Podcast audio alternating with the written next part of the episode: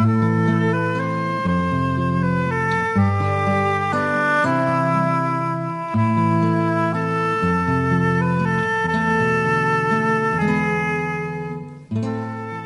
nou is dit storietyd. Welkom by Kortom. Ook hier vier ons vanaand Ingrid Jonker se geboortedag. Die keer met drie kort kortverhale wat ek in haar versamelde werke gekry het. Elanza Swart gaan dit vir ons lees. Ons begin met 'n daad van geloof. Al drie hierdie verhaaltjies vertel van die tyd toe hulle by haar ouma in Gordons Bay gebly het.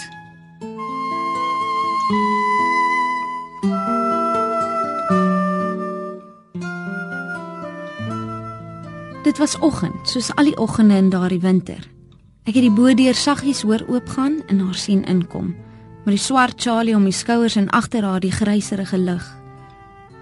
Ek het gemaak of ek slaap, maar ek wis hoe die gryserige lig op haar grys hare val en ek hoor hoe sy die papiersak met die silwer viskoppe oopmaak en hulle op die tafeltjie in die middel van ons kamer neersit.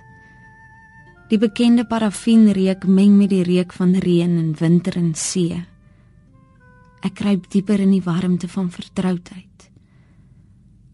Sy maak die viskoppe skoon. Ek weet hoe die lig blink op hul glasoë en hoe die lig die verslete kamermeubels ontdek. Haar bed is opgemaak en die rooi en swart-blou lappies kombers lê intiem daaroor getrek. Die kleur van die bossies tee is warmbruin. Dis geurig soos heide. Bossies tee, kalkoentjies heide. Die stofie sing. Poplap. Ek slaap nog, ouma. Die tee is naby en die twee snytjies brood met vet. Sy sou die vet met die goue stroop gemeng het. Ek vee die hare uit my oë. Terwyl ek eet, gaan haal sy die Bybel. Verslete, gemerk, vaal swart met goud warm soos die lappies kombers en die tee en die sorgsame stem vertroud soos die blou beaarde hande. Buite waai 'n vlaag reën teen my dun kort jassie en ek trap in die modderrooi poeltjies met die kleur van bossies tee. Die see is 'n groot wit blom in die dun lig Ek moet iets skryf oor die see wat elke oggend teen my opspring op pad skool toe. Ouma sê altyd, ek moenie soveel skryf nie, ek moet net in God rus. Maar wanneer sy gaan preek vir die kleerlinge in die buitewyke van die strand, lees sy altyd my versies voor. Een geen kon sien hoe trots ouma dan op haar wit haar kleinkind is. En die kleerlinge was maklik bewoed deur die treurige gediggies en deur die maar 8-jarige kind wat so baie kan verlang. Ek het altyd daar in die voorste ry op die stofferige grond gesit terwyl ouma preek en bid. Daar was baie hoog Hollandse woorde by en soms 'n Engelse daar tussen die kleerlinge het ek my nie geskaam vir haar Engels nie, maar later tussen die wit kinders het ek baie mooi gepleit dat sy nie moet sê ek vir egg nie. Ek het my verse altyd saam skool toe geneem en daar verder geskryf en geskaaf tussen die meedoenlose somme deur. Vrydag moes ek 'n paar verse aan ouma voorlê vir Sondag se kerk. Al die verse was altyd vir ouma ewe mooi en ek moes later self kies. Daardie oggend het ek geloop en dink aan iets oor die see, want die meeste kleerlinge wat my gehoor uitgemaak het, was vissermense. Ek het gedink is baie mooi om die see met 'n wit blom te vergelyk en net daar op die strandmuurtjie gaan sit om dit neer te skryf. Ouma se handsak moes dien as boeksak. Ek het dit oopgemaak en begin skryf. Maar skielik het die wit blom voor my vervaag. Ek het die handsak styf vasgehou. 'n Goedkoop swart gekraakte handsak. Ouma het my boeke netjies daarin gepak. Die potlood was altyd skerp. Die brood netjies toegedraai, vet en goue stroop in die deurskynende papier. Die son het oor die see kom blink. Hy het opgestaan en teruggedrentel na ons kamer. Ouma was besig om uit te vee.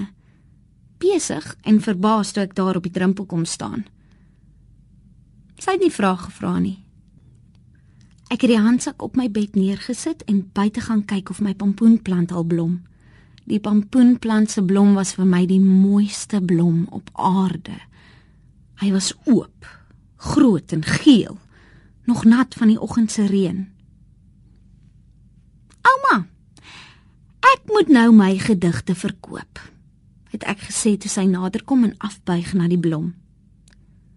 Hoe verkoop 'n mens dit, Poplap? Stuur dit vir 'n tydskrif, ouma, soos vir die jong span. En dan druk hulle dit. En hoeveel moet jy betaal vir hulle om dit te druk? Oh, nee, ouma, hulle betaal vir my. Hm, maar dan is dit goed. Dan wil ek vir my 'n boeksak koop, ouma. Sy het weggekyk in die kamer waar haar handsak op my bed lê. Sy het seker gedink aan na die dag toe ek huis toe gehardloop het toe die kinders by die skool met my gespot het oor die handsak. Hulle het in 'n kring om my gedans. Sy het seker gedink aan al die dinge wat sy graag vir my sou wou gee. Maar sy het nooit gedink aan wat sy wel vir my gegee het nie. Ek weet. Want sy het haar hand op my wit kop gesit en gesê: Poplap, dan maak ons dit 'n saak van gebed. Ek het die hele naweek lank geskryf. Ek het al die gedigte na die jongspan gestuur. Hulle is aangeneem. Ek het begin geld verdien. Ek het begin leer van ouma Retief. The act of writing is an act of faith.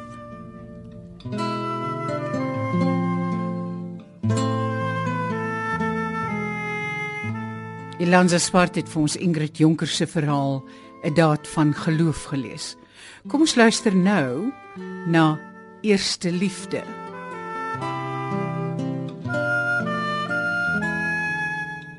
Ouma vier die agterplaas voor die hoenderhokke. Dis van haar liedjie dat ek wakker word en die eerste sterre deur my venster sien verdwyn en die eerste soet geur van die perskeboom in die dou ruik. Ek leun by die venster uit. Ek sit op my bed onder daardie venster en sien ouma se geboue swart vormpie oor die besem en hoor haar lispelende: Dit is my room, ta, dit is my lied, Jesus my heiland. Sy vee die agterplaas in die patrone wat kleinhuis vir haar geleer het. Wiegend sing vir die hoenders. Haai ouma. Sy's half doof. Haai. Haai. Ouma! Sy piering haar oor, dan kyk sy op. Ouma, dis al laat. Ouma, dit word al lig en waar is my prins? My prins is lankal weg saam met Kleinhuis. Waarom het ouma nie vir my wakker gemaak nie? Ouma weet mos ek wil saamgaan. Ouma, wanneer sal ek kom nou? Kom gee die hoenders kos en maak gou. Ek sink terug in my bed. Steek my gesig in die kussing en begin huil. Ek huil harder en harder totdat die bed skud.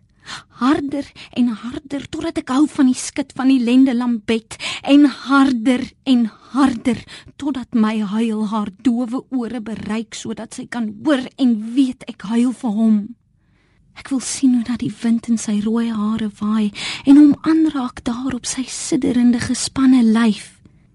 Ek wil hê sy moet weet tot in haar fletsblou oë dat my hart uit my bors bars.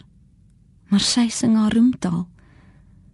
En ek wens dat ek my geheim in my hande kan hou soos 'n sterwende voeltjie en dat sy dit sal vertroetel en versorg en dit hou en dit weet.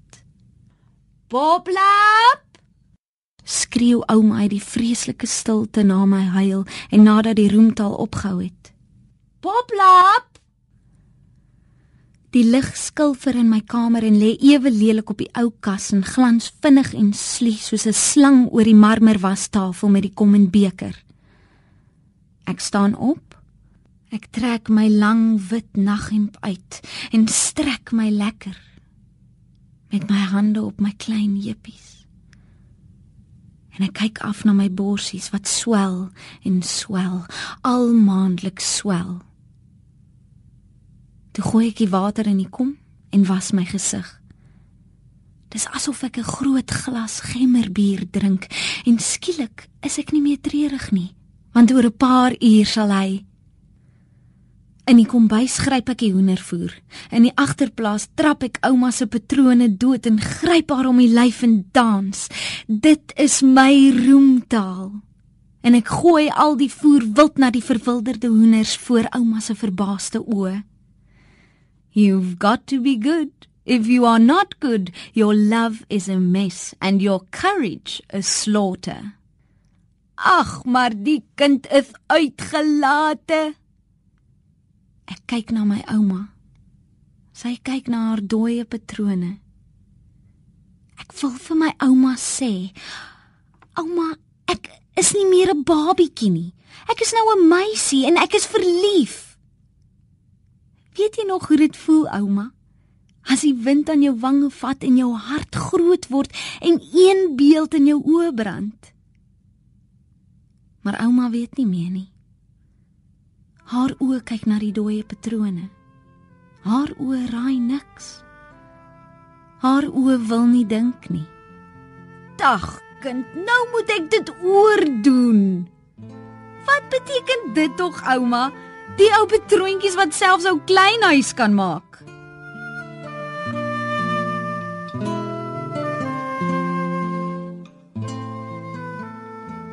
Ingrid Jonker se verhaal Eerste Liefde soos Elanza Swart dit lees. En ons gaan afsluit met haar verhaaltjie Die pop.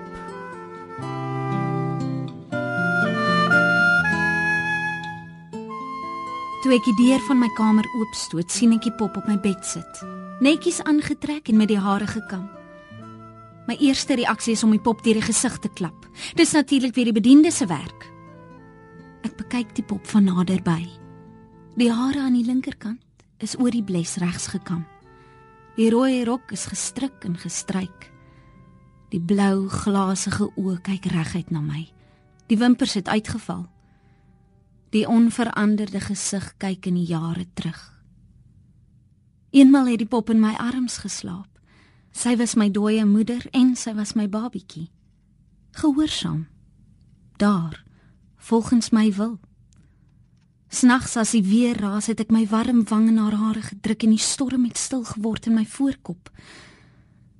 Hoe dikwels het ek daardie mond gesoen en haar naam gesê, haar vergete naam en haar naam wat alle name was. Ek weet nie hoe dit gebeur het dat die pop dood gegaan het nie. Ek dink dit het gebeur toe die leegheid in my hart gekom het. Geleidelik Toe het sy saans regop op die voetenend van my bed gesit en soms as ek soggens wakker word, het sy op die vloer gelê. Ek het haar nie opgetel nie. Ek was lus en gee haar skop. Anna het altyd opgetel en weer op my bed gesit. En as ek van die skool af kom, was sy daar met daardie sterwende, eisende oë. Ek het in Anna se brein arms gehardloop en gehuil. Dit was nie meer dieselfde nie. Op 'n middag het ek haar uitgeneem tuin toe. Sy het vergeet op die grasperk gesit terwyl ek kappertjies gepluk het en die geel vlinders probeer vang het. Ouder gewoonte het ek 'n vlinder na haar toe gebring. En toe was haar dooie oë daar. Jou dooie ding. Anna het vir my 'n skoendoos gegee. Wat wil Nonnie daarmee maak? Ek gaan vir Sari begrawe. Ai, nonnie. Sy's dood. Sy's lankal mors dood vrek. Anna het geskok gelag. Hoekom het jy nie vir my gesê nie? Hoekom nie, Anna? Nonnie, ek gaan vir Nonnie se ouma sê. Gaan sê vir haar, jy het my almal vir die gek gehou. Ek het driftige gat gegrawe in die tuin. Ek het die pop in die skoendoos gesit en in die graf gegooi. Omdat Anna my staan en dophou het vanuit die kombuisdeur, het ek die grond hoog opgehoop bo op die graf en daarna geskop. Anna het my kom haal. In my kamer het ek onbedaarlik gehuil. Anna en ouma het vir my warm melk gebring en ek het die volgende dag nie skool toe gegaan nie. Ek het vergeet van die pop. En nou kyk ek weer in daardie onveranderde gesig en die warmte en verdriet van die jare is weer daar. Oop en eerlik soos die blou glasige oë. Ek kon haar nie aanraak nie. Al wou ek haar in my arms druk en so die leegheid verminder. Ek het by die venster gaan staan en die son sien ondergaan oor die see. Dis my verjaarsdag. Anna het dit goed bedoel. Ek het die pop opgetel en haar neergesit op my tafel. Soos 'n ou foto.